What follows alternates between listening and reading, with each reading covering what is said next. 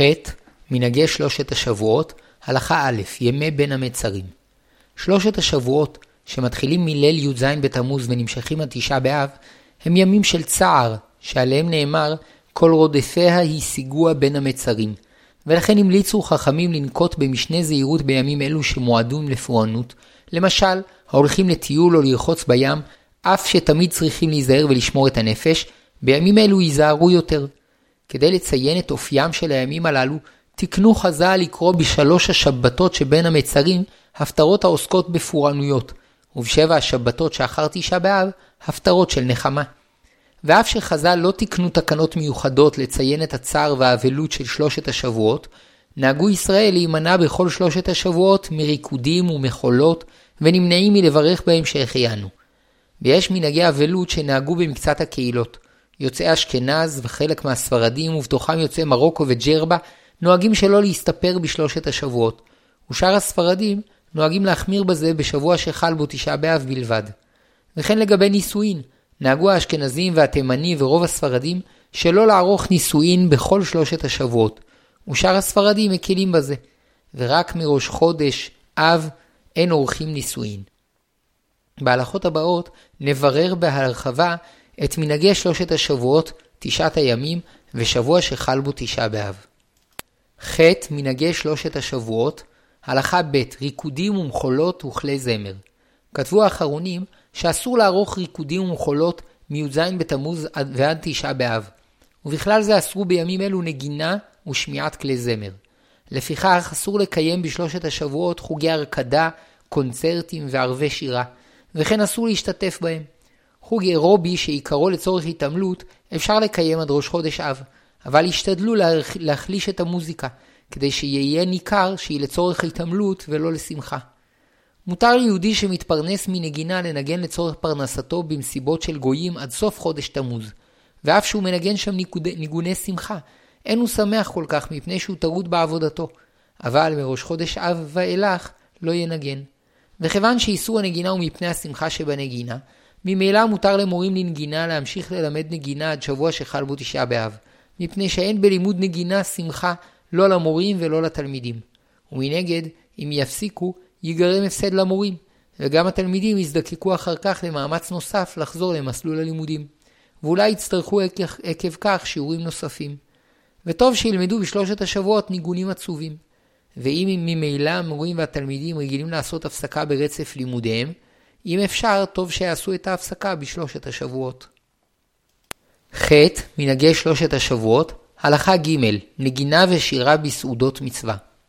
מותר לשיר שירי שמחה בסעודות מצווה, למשל בסעודת ברית מילה, פדיון הבן ושבע ברכות. וכן מותר לקיים שמחת בר מצווה ובת מצווה, ובלבד שתיערך ביום שהגיעו למצוות. נחלקו הפוסקים לגבי מקום שרגילים תמיד להזמין נגנים לסעודת מצווה, האם גם בשלושת השבועות מותר להזמין נגנים. יש אומרים שהואיל והנגינה לצורך מצווה מותר, ויש אוסרים, והמקל יש לו על מה לסמוך, ובתנאי שכך המנהג בכל השנה. לפיכך, במקום שרגילים תמיד להזמין תזמורת לשמחת בר מצווה, מותר להזמין תזמורת.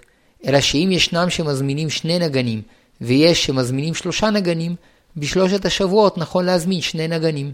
וכן הדין בכל שמחות של מצווה, שהולכים לפי המנהג בכל השנה. ומשהגיע חודש אב, אין להזמין תזמורת לשום שמחה, וכן אין להשמיע ממכשיר אלקטרוני שירי שמחה.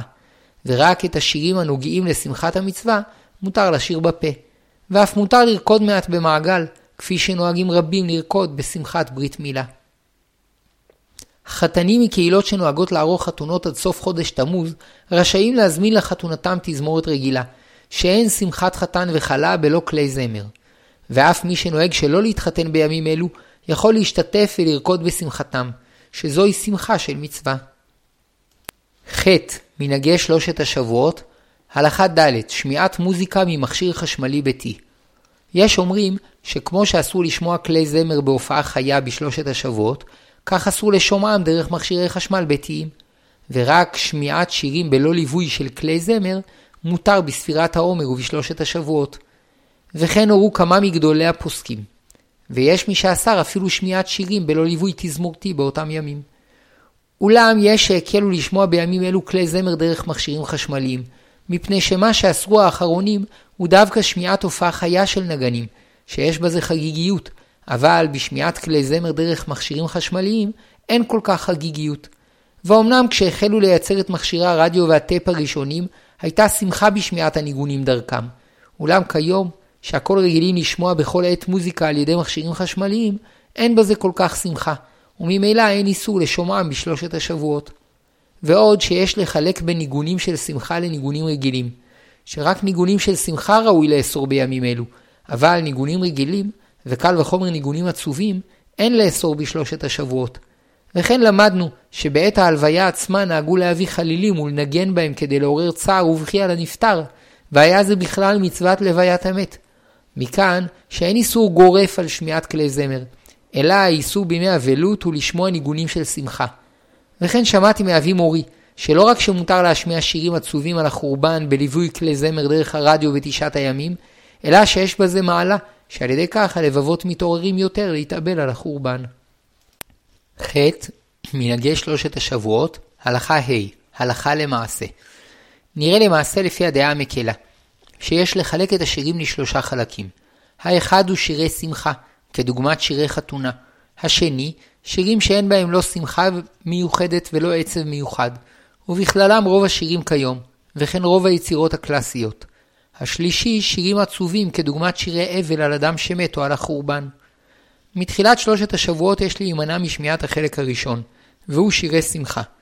ומראש חודש אב יש להימנע גם משמיעת החלק השני האמצעי, ורק את החלק השלישי הכולל שירים עצובים מותר לשמוע.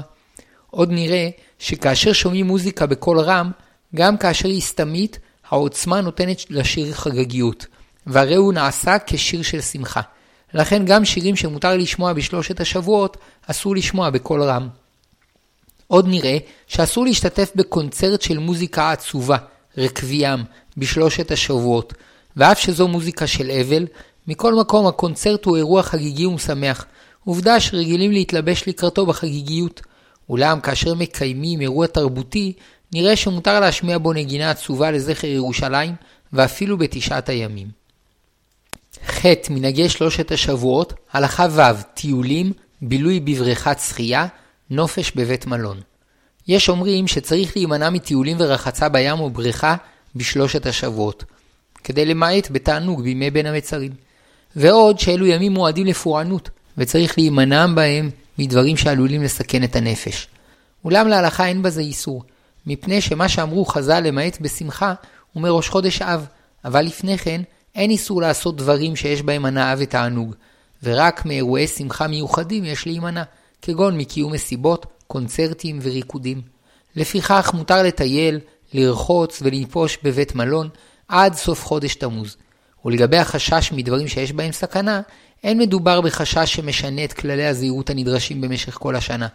לפיכך מותר לקיים טיולים וכדומה בשלושת השבועות, ויש להקפיד בהם במשנה זהירות על כללי הבטיחות שצריך לשמור בכל השנה. ומשנכנס אב ממעטים בשמחה, ולכן צריך להימנע מטיולים ובילויים שעיקרם לתענוג ושמחה. וטיול או נופש שנועדו בעיקר לצורך לימודי או בריאותי, מותר לקיים בתשעת הימים. וכן לגבי רחצה בבריכה או בים, אם המגמה לשם בילוי, אסור. ומי שמסיבות בריאותיות הורו לו לשחות, מותר אף בתשעת הימים. ח. מנהגי שלושת השבועות, הלכה ז' שהחיינו בשלושת השבועות. היו מגדולי הראשונים שלא אכלו פירי חדש ולא קנו בגד חדש בשלושת השבועות, כדי שלא לברך עליהם שהחיינו. שאמרו, איך נברך שהחיינו וקיימנו והגיענו לזמן הזה, בזמן של פורענות. ואף שהיו מגדולי הפוסקים שסברו שאין צריך להיזהר בזה, מכל מקום במשך הדורות נתפשט המנהג להחמיר שלא לברך שהחיינו בימי בין הבצרים. לפיכך נזהרים שלא לאכול פרי חדש שצריך לברך עליו שהחיינו, ואין קונים בגד חדש שמברכים עליו שהחיינו. אבל מדברים שאין מברכים עליהם שהחיינו, מותר לקנות עד סוף חודש תמוז.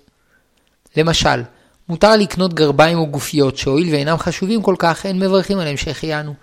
וכן מותר לנוהגים שלא לברך שהחיינו על נעליים, לקנותם. וכן מותר לבני זוג לקנות רהיט, שהואיל והם שותפים בו ברכתו הטוב והמיטיב.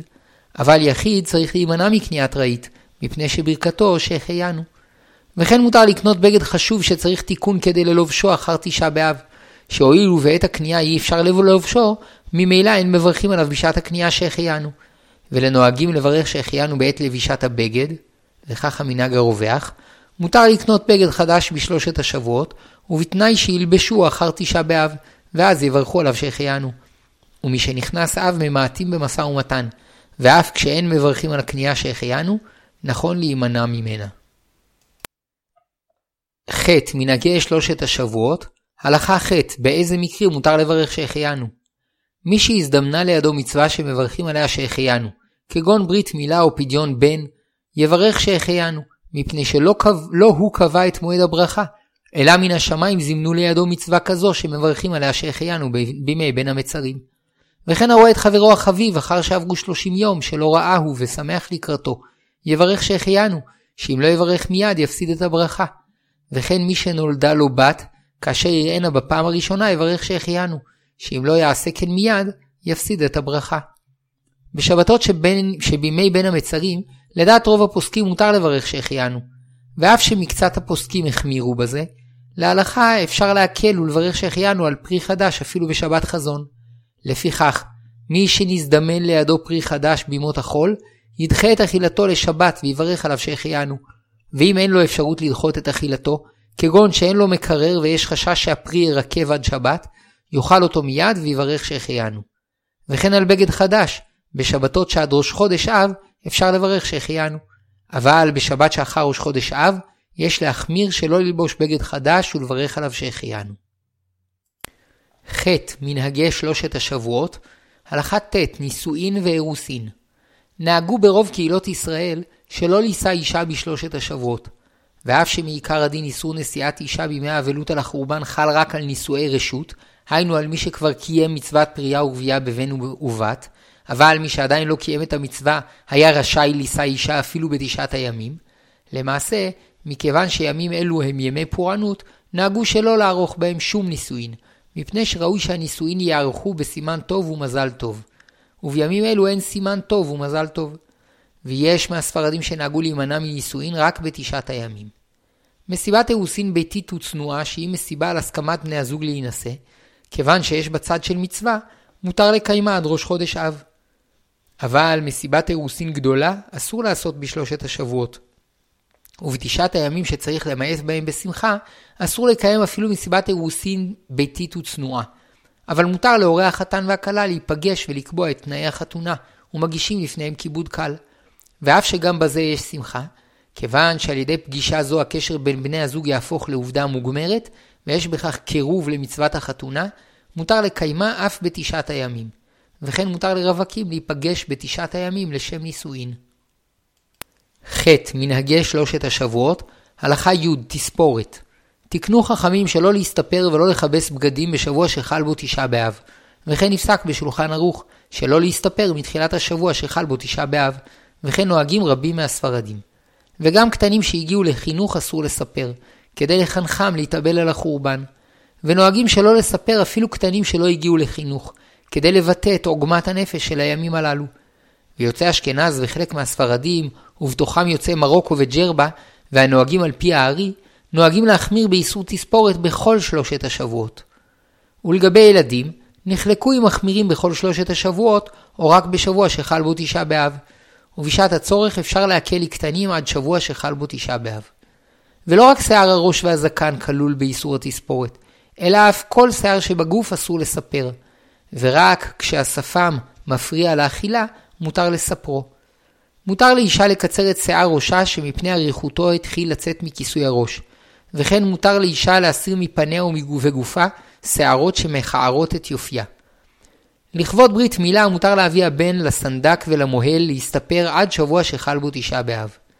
ראוי לחתן בר מצווה שלא להסתפר בימים אלו, מפני שהוא יכול להסתפר לפני י"ז בתמוז. אבל אביו של חתן בר המצווה, שרגיל להתגלח בכל יום, יכול להתגלח לקראת סעודת בר המצווה של בנו עד שבוע שחל בו תשעה באב. מותר להסתרק גם בשבוע שחל בו תשעה באב. נחלקו האחרונים אם מותר לגזוז ציפורניים בתשעת הימים, אולם לכבוד שבת מותר. זמנים ח' הלכה י"א גילוח זקן בשלושת השבועות. כפי שלמדנו, מנהג האשכנזים וחלק מהספרדים שלא להסתפר בכל שלושת השבועות, אולם לגבי גילוח הזקן התעוררה שאלה. לדעת הרבה פוסקים אין הבדל בין תספורת לגילוח, ושניהם אסורים במשך כל שלושת השבועות, וכן נוהגים רוב בחורי הישיבות והמדקדקים במצוות. אולם יש סוברים שלכתחילה ראוי להתגלח בכל ערב שבת בשבתות שלפני ראש חודש אב, ויש שהתירו להתגלח כל יום עד ראש חודש אב, הואיל ואין בזה שמחה, וכל המנהג שלא להסתפר נוגע לתספורת שיש בה חגיגיות מסוימת, ולא לגילוח שאין בו שום חגיגיות אלא רק הסרת הניבול. והמקל בזה יש לו על מי לסמוך, ואין למחות בידו. ובמיוחד שכיום חיים בארץ בני כל העדות, ורבים מהספרדים מקלים בזה. וכשיש ספק באשר למנהג אשכנז, אפשר להתחשב במנהג הספרדים. למעשה, נכון שכל אדם ינהג כאביו, בין להקל ובין להחמיר, שאם לא כן, נמצא שהוא פוגע בכבודו. אמנם מראש חודש אב, ואפילו לקראת שבת חזון, ברור שעל פי מנהג אשכנז וחלק מהספרדים אין להתגלח. בשבוע שחל בו תשעה באב, לכל הדעות והמנהגים אסור להסתפר ואין היתר להתגלח.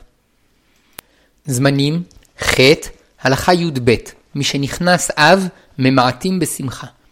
אמרו חכמים במשנה, משנכנס אב ממעטים בשמחה, כי ימים אלו הם ימי אבל על חורבן בית המקדש. לפיכך אין לקיים בהם אירועים משמחים, כדוגמת טיולים, נופש במלון, ואף מסיבות קטנות כדוגמת מסיבות רעים ומסיבת גיוס, ורק אירועים שמטרתם העיקרית היא חינוכית או ציבורית, מותר לקיים. וכן מי שנצרך למנוחה מסיבות בריאות, מסיבה בריאותית, יכול לצאת בימים אלו לחופשה במלון או בבית הבראה. נהגו שלא לערוך את חוטי השתי בתשעת הימים, מפני שנפגם מעמדה של אבן השתייה, שהיא תשתיתו של עולם, ועל כן נמנעים מלערוך את חוטי השתי שהם תשתיתו של הבגד. וכן אסור לתפור בגדים חדשים בתשעת הימים, וכן אין סורגים בגדים או כיפות בתשעת הימים, אבל לתקן בגדים ישנים מותר. ומי שפרנסתו מתפירת בגדים או הכנת בדים, והעבודה בתשעת הימים נחוצה לו, ישאל שאלת חכם. קורס תפירה עדיף לבטל בתשעת הימים, ובשעת הצורך אפשר לקיימו ובלבד שלא יעסקו בתפירת בגדים חדשים, אלא יתקנו ישנים, או יעשו תרגילי תפירה על, בגדים, על בדים שאין בהם צורך. אמרו חכמים שממעטים בימים אלו במשא ומתן של שמחה, ואף בכל משא ומתן ראוי למעט בימים אלו, וכן נמנעים בימים אלו מבניין ונטיעה של שמחה, ודיניהם יבוארו בהמשך. והואילו ממעטים בימים אלו בשמחה, נהגו שלא לאכול בהם בשר ולא לשתות יין שהם משמחים. וכיוון שהם ימי פורענות, המליצו חכמים למי שיש לו דין עם נוכרי, שישתמט ממנו בחודש אב, מפני שאז רע מזלם של ישראל, והוא עלול להפסיד בדינו. ח. מנהגי שלושת השבועות, הלכה י"ג, בשר ויין. נהגו הראשונים להימנע מאכילת בשר ושתיית יין בימי האבלות על החורבן. יש שהחמירו בזה בכל ימות, ימות החול שבשלושת השבועות, ויש שהחמירו בזה בשבוע שחל בו תשעה באב. ודעת רוב הראשונים שהמנהג הנכון להימנע מבשר ויין בתשעת הימים. ואף שמדין המשנה רק בסעודה המפסקת שלפני צום תשעה באב אסור לאכול בשר ולשתות יין, נהגו הראשונים להחמיר על עצמם ולהימנע מאכילת בשר ושתיית יין בימים אלו, מפני שהבשר והיין ידועים כמאכלים משמחים, ואמרו חכמים, מי שנכנס אב ממעטים בשמחה. ועוד, שאחר חורבן בית המקדש אין מעלים יותר את בשר הזבחים על המזבח, ואין מנסחים עליו את היין, והיה ראוי שבעקבות חורבן הבית גם אנו נימנע לחלוטין מאכילת בשר ושתיית יין, עד שייבנה בית המקדש. אלא שאין אנו יכולים לעמוד בגזרה זו. אבל בימים שנקבעו לאבלות על החורבן, יש מקום להחמיר בזה. למעשה, מנהג אשכנז שלא לאכול בשר ולא לשתות יין כל תשעת הימים, כולל ראש חודש אב, וכן נהג הארי. ולמנהג רוב הספרדים מותר לאכול בשר ולשתות יין בראש חודש, ומסיום יום ראש חודש מתחיל האיסור. ואף ביום עשירי באב שבו נשרף בית המקדש, מחמירים שלא לאכול בשר ולשתות יין. האשכנזים מחמירים עד חצות יום עשירי, ורוב הספרדים עד סיום יום עשירי באב. ומנהג יהודי תימן שלא להחמיר בזה, אלא אוכלים בשר ושותים יין, ורק בסעודה מפסקת שלפני צום תשעה באב נמנעים מאכילת בשר ושתיית יין, כדין המשנה. ח. מנהגי שלושת השבועות, הלכה י"ד, דיני איסור אכילת בשר ושתיית יין. בכלל איסור אכילת בשר בתשעת הימים כלולים כל סוגי הבשר, בשר בהמה ובשר עוף, בשר טרי ובשר שהוקפא ונמלח, אבל דגים מותרים. נוהגים להחמיר גם בתבשיל שנתבשל בו בשר. למשל, אם בישלו תפוחי אדמה עם בשר, גם את תפוחי האדמה לבדם אין לאכול בתשעת הימים, מפני שמורגש בהם טעם בשר. אבל מותר לבשל את המאכלים בסירים בשריים, ובתנאי שלא יורגש במאכלים טעם בשר. בכלל איסור יין כלול גם מיץ ענבים, אבל משקאות חריפים כוויסקי או בירה מותרים, וכן מותר להתאים תבשילים בחומץ יין. מותר לאכול בתשעת הימים מיני מאפה שערבו בעיסתם יין, כי אין טעם היין ניכר בהם, אבל לכתחילה אין לערב יין בעיסה בתשעת הימים. חולה, ואפילו חולה מעט, שאכילת בשר או שתיית יין מועילה לו, רשאי לאוכלם. וכן מותר ליולדת תוך 30 יום מלידתה לאכול בשר כדי להתחזק, וכן מותר למנקת שצריכה לכך לאכול בשר כדי להרבות את חלבה. במוצאי שבת חזון מותר למבדיל לשתות מהיין שהבדיל עליו, וכך נוהגים הספרדים וחלק מהאשכנזים. ואפשר לשתות את כל היין שבכוס. ועדיף להבדיל על מיץ ענבים שאינו משמח. ויש מהאשכנזים שנוהגים שאם יש שם קטן שהגיע לגיל חינוך לברכות הנהנין, ועדיין לא הגיע להבנת האבל על ירושלים, בין 6 ל-9, שיכוון המבדיל בברכת הגפן עבור הילד, והילד ישתה את היין. אבל כשאין שם ילד בגיל זה, ישתה המבדיל את היין. זמנים, ח', הלכה ט"ו, בשר ויין בשבת חזון ובסעודות מצווה. בשבת חזון אוכלים בשר ושותים יין ככל שבתות השנה, שהרי גם כאשר תשעה באב עצמו חל בשבת ונדחה עקב כך ליום ראשון, אוכלים באותה שבת בשר ושותים יין, ומעלים על השולחן אפילו כסעודת שלמה בשעתו, שאין אבלות בשבת.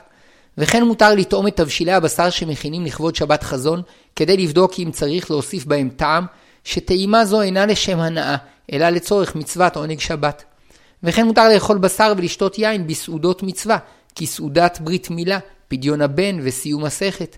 וכן מותר לאכול בשר ולשתות יין בסעודת בר מצווה, ובתנאי שתתקיים ביום הגיעו למצוות. אמנם נחלקו המנהגים בשאלה כמה אנשים אפשר להזמין לסעודות הללו. יש אומרים שבכל תשעת הימים צריך לצמצם ולהזמין רק את בעלי השמחה, ובנוסף להם מניין אנשים. ויש אומרים שכל אותם האנשים שהיו מוזמנים לסעודה בזמן אחר, מותר להזמין לסעודת מצווה שבתשעת הימים. ולדעת הרמ"א, בתשעת הימים עד שבת חזון יזמינו את כל מי שהיו מזמינים בזמן אחר. ובשבוע שחל בו תשעה באב יזמינו בנוסף לבעלי השמחה רק מניין מצומצם. וההוראה למעשה לפי העניין והצורך. עוד כתבו האחרונים שאין לתכנן באופן מיוחד סיומי מסכתות בתשעת הימים כדי להתיר על ידם אכילת בשר ושתיית יין. שאם עושים כן, מבטלים בכוונה את אבלות החורבן, אלא רק מי שהזדמן לו כפי סדרו לסיים מסכת בתשעת הימים, ותמיד הוא רגיל לעשות סעודה בסיום כזה, יערוך סעודת סיום גם בתשעת הימים. גם מי שרגיל כל השנה לברך ברכת המזון על כוס יין, בתשעת הימים יברך בלא כוס יין. יש נוהגים לערוך סעודה בלילה שלפני ברית מילה, אבל אין זו סעודת מצווה, ולכן אסור לאכול בבשר ולשתות יין. זמנים, ח', הלכה ט"ז, בנייה ונטיעה בתשעת הימים. כיוון שממעטים בשמחה בתשעת הימים, אסור לבנות בימים אלו בניין של שמחה, כגון להרחיב דירה או מרפסת בלא שיהיה לכך צורך חיוני. וכן אסור בתשעת הימים לסייד ולצבוע את קירות הבית, מפני שהסיוד והצביעה נחשבים מותרות המשמחים, שהרי אפשר לחיות בבית בלעדיהם. וכן אסור לעשות בימים אלו שיפוצים שנועדו לנוי או מותרות, כמו החלפת תריסים, ארונות, וילונות וכיוצא בזה, דברים יקרים ומשמחים שאין בהם צורך הכרחי. אבל מי שגר עם בני ביתו בדירה צפופה, מותר לו לבנות חדר נוסף בתשעת הימים, וכן מותר לעשות כל עבודת בנייה לצורך מניעת נזק. כגון אדם שקוטלו עומד ליפול, אף שאינו צריך לאותו חדר ואין בזה סכנה, מותר לו להחריב את הכותל באופן מסודר ולבנותו שוב, שעל ידי כך הוא מונע מעצמו נזק. וכן מותר לבנות ולסייד ולצבוע לצורך מצווה, כגון לבנות בית כנסת או בית ספר, וכתב בעל ערוך השולחן, שכל דבר שהוא לצורך רבים נחשב כצורך מצווה ומותר. וכן אסור בימים אלו לנטוע נטיעה של שמחה, היינו נטיעות שנועדו לנוי, כגון עצי נוי, הדסים, ורדים ופרחים. אבל מותר לתחזק את גינת הנוי, להשקות את הגינה, לגזום את הדשא ולהמשיך בטיפול השוטף. וכל נטיעה שנועדה לצורך ממשי מותרת. לפיכך מותר לנטוע עצי פרי בתשעת הימים, וכן מותר לאדם שמתפרנס מגידול שיחי נוי ופרחים, לשותלם במשתלה כדי למוכרם. זמנים ח.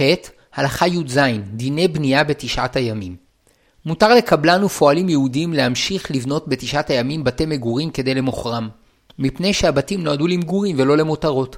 בנוסף לכך, זאת פרנסתם. ובארץ ישראל יש מצווה לבנות בתים.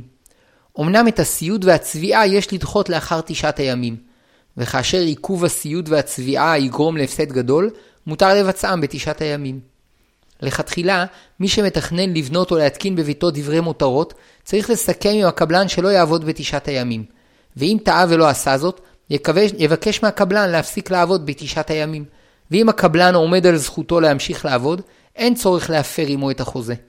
פועל יהודי שעוסק בצביעה או סיוד, צריך להפסיק לעבוד בתשעת הימים. ובבית של גוי מותר לו לעבוד גם בתשעת הימים. ואם מתחייב לגמור עבודת צביעה בבית של יהודי, וחשב שיספיק לגומרה לפני תשעת הימים ולא הספיק, יבקש ממנו שלא לעבוד בתשעת הימים, ואף לו, יציע לו על כך פיצוי קטן. אך אם היהודי אינו מתפייס, והפועל חושש שיהיה לו מזה הפסד גדול, כגון שיצטרך לשלם פיצויים, יכול להמשיך לעבוד בתשעת הימים. המנהג להורות שלא להיכנס לדירה החדשה, קנויה או שכורה, בתשעת הימים, אבל אם עיכוב הכניסה יגרום להפסד גדול, מותר להיכנס.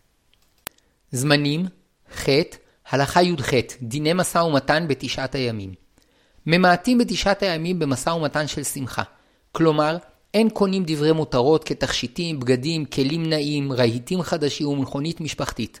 ואומנם דבר שמברכים עליו שהחיינו, אסור לקנות בכל שלושת השבועות, אלא שאם הוא דבר שאין מברכים עליו שהחיינו, כגון בגד שעדיין צריך תיקון, או רהיט של שותפים, מותר לקנותו עד ראש חודש אב. אבל בתשעת הימים אסור, מפני שצריך להימנע ממשא ומתן בדברים של שמחה. ולכן אסור להזמין אצל חייט בגד חדש, וכן הדין לגבי כל שאר דברים המשמחים, שאם מברכים עליהם שהחיינו, בכל שלושת השבועות אין לקנותם, ואם אין מברכים עליהם שהחיינו, רק בתשעת הימים אין נושאים ונותנים בהם. אדם שנפלה לידו הזדמנות לקנות דבר מה משמח במחיר מיוחד, ויש חשש סביר שאם ימתין עד לאחר תשעה באב, יפסיד אותו, רשאי לקנותו בתשעת הימים. וטוב שיכניסנו לביתו, או יתחיל להשתמש בו לאחר תשעה באב. וטוב למעט גם במשא ומתן רגיל של דברים שאינם משמחים. למשל, אדם שרגיל אחת לכמה שבועות לערוך קניות גדולות של מזון ושאר צורכי הבית, לכתחילה טוב שיבצע את הקנייה לפני או אחרי תשעת הימים. אבל לצורך מצווה, מותר לקנות אף דברים משמחים. לפיכך מותר לקנות בימים אלו תפילין, מפני שהם צורכי מצווה. וכן מותר לקנות ספרי קודש, מפני שהם צורכי מצווה, ורבים אינם נוהגים לברך על קנייתם שהחיינו. אבל מי ששמח בהם מאוד, צריך לברך עליהם שהחיינו, וממילא אסור לו לקנותם. מי שאין לו נעלי בד או גומי לתשעה באב, רשאי בדיעבד לקנותם בתשעת הימים. מותר לסוחרים העוסקים בדברי מותרות משמחים, כתכשיטים ובגדים, לשאת ולתת בעסקיהם בתשעת הימים, כדי שלא ייגרם להם הפסד גדול בעיבוד לקוחותיהם. והשתדלו לעסוק בעיקר בהכנות עסקיות לקראת הימים שלאחר תשעת הימים. ומי שיכול לסגור את חנותו בלא שיגרם לו מכך הפסד משמעותי, צריך לסוגרה בתשעת הימים. כאשר קניית הרהיטים והבגדים לחתונה מעכבת את החתונה, נמצא שקנייתם היא לצורך מצוות חתונה, ולכן מותר לקנותם בתשעת הימים. ובתנאי שמדובר בחתן שעדיין לא קיים מצוות פרייה ורבייה. וכיום, עיכוב הקניות לא מעכב את החתונה, מפני שקובעים אולם ושולחים הזמנות כחודשיים מראש, וניתן לקנות את הכל לפני או אחרי תשעת הימים. ובכל מקרה הקניות לא יבטלו את החתונה. ורק במקרים נדירים, כאשר המשפחה באמת אחריו מקניית הבגדים, אפשר להתיר להם כפי שמתירים לצורך גדול. לגבי קניית ספרי קודש ששמחים בהם מאוד, שכתבתי למעשה שצריך לברך עליהם שהחיינו, בשלושת השבועות אפשר לקנותם, ולהימנע מסידורם בארון, ובשבת יתחיל ללמוד בהם, ואז יברך עליהם שהחיינו, ויסדרם בארון במוצאי שבת. זמנים, ח', הלכה י"ט, איסור כיבוס. אסרו חכמים לכבס בשבוע שחל בו תשעה באב, וזה אחד מביטויי האבלות, שמתוך צער והזדהות עם הנפטר או עם חורבן הבית, האדם מפסיק לטפח ולפנק את עצמו. בכלל האיסור גם גיהוץ בגדים או כיבוסם בכיבוס יבש. ואפילו לכבס בגדים כדי ללובשם אחר תשעה באב, אסור, משום שהמכבס נראה כמי שמסיח את דעתו מהאבלות על החורבן. וכן אסור לתת את הבגדים לחובס גוי כדי ללבושם אחר תשעה באב. כשם שאסור לכבס, כך אסור ללבוש בימים אלו בגד מכובס. וכן אסור לפרוס בימים אלו מצעים מכובסים על המיטה, או מפה מכובסת על השולחן. וכן אסור להתחיל להשתמש במגבות או מפיות מכובסות. הספרדים נוהגים בכל איסורי הכביסה כפי שמבואר במשנה, היינו רק בשבוע שחל בו תשעה באב. אולם האשכנזים מחמירים בכל זה מראש חודש אב. אבל לכבוד שבת חזון, גם האשכנזים נוהגים ללבוש בגדי שבת מכובסים. וכיוון שהאיסור ללבוש בגדים מכובסים נמשך כמה ימים, נוהגים להכין לתקופת האיסור כמה בגדים משומשים, וכך עושים. לובשים לפני זמן האיסור כמה בגדים, כל בגד כשעה ויותר, ועל ידי כך אותם בגדים כבר לא ייחשבו מכובסים, ויהיה מותר ללובשם בזמן האיסור. ומי שלא הכין לעצמו בגדים לפני זמן האיסור, יכול לקחת בגד מכובס ולזורקו על הרצפה ואף לדרוך עליו, ואז כבר לא ייחשב מכובס וממילא יוכל ללובשו. מותר ללבוש בימים אלו לבנים וגרביים מכובסים ולהחליף מגבות ידיים שנזדהמו, שהואיל וכיום רגילים להחליפם לעיתים תכופות, אין בהחלפתם צד של תענוג אלא רק הסרת מיאוס. והואיל ואין יודעים ממתי בדיוק הגיעו הישנים למצב שהם מאוסים, עד שמותר להחליפם, במצב של ספק טוב להניח את המכובסים על הרצפה לפני שילבשום. בשעת הצורך, כאשר לא נותרו לבנים נקיים, מותר לכבסם גם עבור מבוגרים, וטוב כשאפשר, להוסיף, כשאפשר להוסיפם למכונה שמכבסים בה את בגדי הקטנים. מי שחולצתו התלכלכה בכתם שלא ראוי להיראות בו לפני אנשים, ואין לו בגד אחר שיכול ללובשו, משום כבוד הבריות יכול לשטוף את הכתם במים, ואם הכתם לא ירד במים, יוכל להיעזר בסבון. אין לובשים בגדי שבת בימים אלו ואפילו אם אינם מכובסים, והאיסור בשבוע שחל בו לספרדים, ומבית אב לאשכנזים. וכן במוצאי שבת חזון צריך להסיר את בגדי השבת. אבל לקראת ברית מילה, האב והאם, המוהל והסנדק, מתרחצים ולובשים בגדי שבת, ובשעת הצורך מתגלחים ומסתפרים. והקרובים להורים בדרכה ראשונה, כהוריהם ואחיהם, רשאים ללבוש בגדי שבת, אבל אין מסתפרים. ושאר המוזמנים לובשים בגדים מכובדים, אבל לא בגדי שבת גמורים. ח. מנהגי שלושת השבועות, הלכה כ. בגדי קטנים ובתי חולים. בגדים של תינוקות שרגילים לטנף את בגדיהם אינם בכלל האיסור, וכן מותר לכבס מצעים ושמיכות של ילדים שהרטיבו בלילה, ורבים נוהגים להקל בשעת הצורך לכבס בגדים של ילדים גדולים, מפני שגם הם מטנפים את בגדיהם, ואין בכיבוס למענם שום צד של שמחה. ועד שבת חזון רשאים יוצאי אשכנז להקל בזה לכתחילה. ואחר שבת חזון, כשיש צורך גדול, היינו שכל הבגדים יתלכלכו עד שמכוער להלביש בהם את הילדים, אפשר להקל לכבסם. כשמכבסים בגדים של קטנים במכונה, אין היתר להוסיף עמהם בגדים של גדולים. ואף את בגדי הקטנים טוב כשאפשר לייבש בצנעה בתוך הבית כדי שלא ייראו כלא מתאבלים. בבית, בבתי חולים מותר להחליף את המצעים ולכבס את בגדי החולים כפי שנוהגים כל השנה, מפני שכוונתם לשמירת הניקיון ומניעת זיהומים ולא לשם תענוג ורווחה. בבתי הערכה ובתי מלון מותר להחליף את המצעים לקראת האורחים החדשים, מפני שאנשים מואסים במצעים של אנשים אחרים. לכתחילה טוב שלפני שהאורח ישתמש במצעים החדשים, ידרוך עליהם, כדי שלא יחשבו כמכובסים, ויבקש שלא יחליפו לו יותר את מצעיו עד אחר תשעה באב. ח. מנהגי שלושת השבועות, הלכה כ"א, רחיצה. אף שמצד תקנת חכמים איסור הרחיצה חל בתשעה באב בלבד, נהגו הראשונים להחמיר ברחיצה גם בימים שלפני תשעה באב. בספרד נהגו רבים להחמיר שלא לרחוץ במים חמים בשבוע שחל בו תשעה באב, ואילו באשכנז נהגו שלא לרחוץ כלל בתשעת הימים אפילו במים קרים, ורק לקראת שבת חזון התרחצו מעט במים קרים. אבל כיום הרגלי הניקיון והרחיצה השתנו לחלוטין. בעבר לא היו מים זורמים בבתים, לכן רחצה הייתה נחשבת לאירוע מיוחד של תענוג ופינוק, ולא נגרם לאנשים כמעט סבל ממניעת רחצה. אבל כיום שהכל רגילים להתרחץ, הרחצה הפכה לפעילות שגרתית, ורבים רגילים להתרחץ בכל יום עם סבון, ואם לא יתרחצו יום אחד, יסבלו, ויש שאפילו יתקשו להירדם עקב כך. לפיכך, כל מי שחש צער מכך שלא יתרחץ, רשאי להתרחץ במים פושרים כדי שלא ייהנה מרחיצתו, וכל מגמתו תהיה לניקיון בלבד. ואף מותר להשתמש בסבון כדי להסיר ריח רע. וכן מותר לחפוף את הראש בשמפו, כאשר מניעת החפיפה גורמת צער. וכן הדין למנהג אשכנז בכל תשעת הימים, ולמנהג ספרד בשבוע שחל בו תשעה באב. אבל לפני כן, מותר למנהג ספרד להתרחץ במים חמים לשם הנאה. מי שריח זיעתו נודף מפני שלא יתרחץ, אף שהוא עצמו אינו סובל מכך, מוטב שיתרחץ בתשעת הימים ובשבוע שחל בו תשעה באב, כדי להסיר ממנו את הריח הרע, שגדול כבוד הבריות. וכיום אנשים רבים רגישים לריחות רעים, ואם לא יתרחץ, נמצא שיתחלל שם שמיים על ידו. לקראת שבת חזון, הכל רוחצים, אלא שהאשכנזים נוהגים לרחוץ בפושרים, והנוהגים לטבול במקווה, יכולים לטבול עד ערב תשעה באב כמנהגם, ומשתדלים שהמים יהיו פושרים ולא חמים. הרוצה לשחות בבריכה, אם המטרה לבילוי, כבר מראש חודש אסור, מפני שצריך למעט בשמחה. ואם המטרה בריאותית, כמו אנשים שרגילים לשחות כל יום כחצי שעה בבריכה, למנהג ספרדי מותר עד שבת חזון, ואחר שבת חזון ראוי להחמיר, ולמנהג אשכנזים אסור בכל תשעת הימים. ומי שצריך לשחות לצורך רפואי, רשאי לשחות עד ערב תשעה באב. זמנים, ח', הלכה כ"ב, שבת חזון. שבת חזון היא השבת הסמוכה לתשעה באב, שבה קוראים את, הפרעת, את הפטרת חזון ישעיהו, ובה תוכחות שנאמרו לפני החורבן. למנהג ספרדים, עיקר מנהגי האבלות כאיסור כיבוס ורחיצה מתחילים ממוצאי אותה שבת, שאז מתחיל שבוע שחל בו תשעה באב. לפיכך, לפי מנהג רוב ספרדים אין סממנים של אבלות בשבת חזון. אולם למנהג אשכנז, כמה מנהגי אבלות מתחילים מראש חודש אב. נמצא ששבת חזון בתוך ימי האבלות. ואכן רבים באשכנז נהגו שלא להתרחץ בחמים לקראת שבת זו, ולא ללבוש בגדי שבת בשבת חזון. וכן כתב הרמה. אבל היו כמה מגדולי אשכנז שחלקו על מנהג זה, משום שאין להראות סימני אבלות בשבת.